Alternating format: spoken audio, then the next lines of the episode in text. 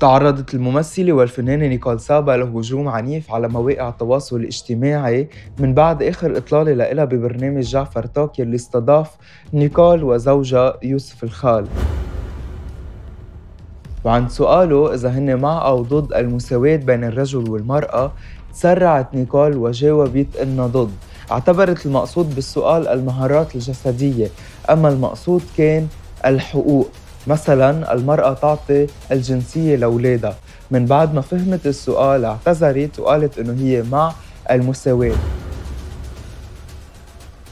عكس يوسف يلي تأنى بجوابه وسأل جعفر أكثر من مرة شو المقصود بالسؤال.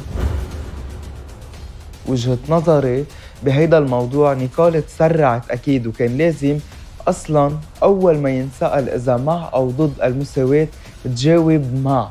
لأنه حتى بالمهارات الجسدية في نساء تفوقت على الرجال.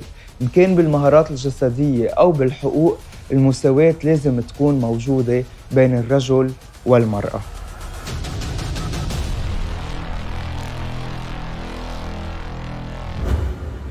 أشوف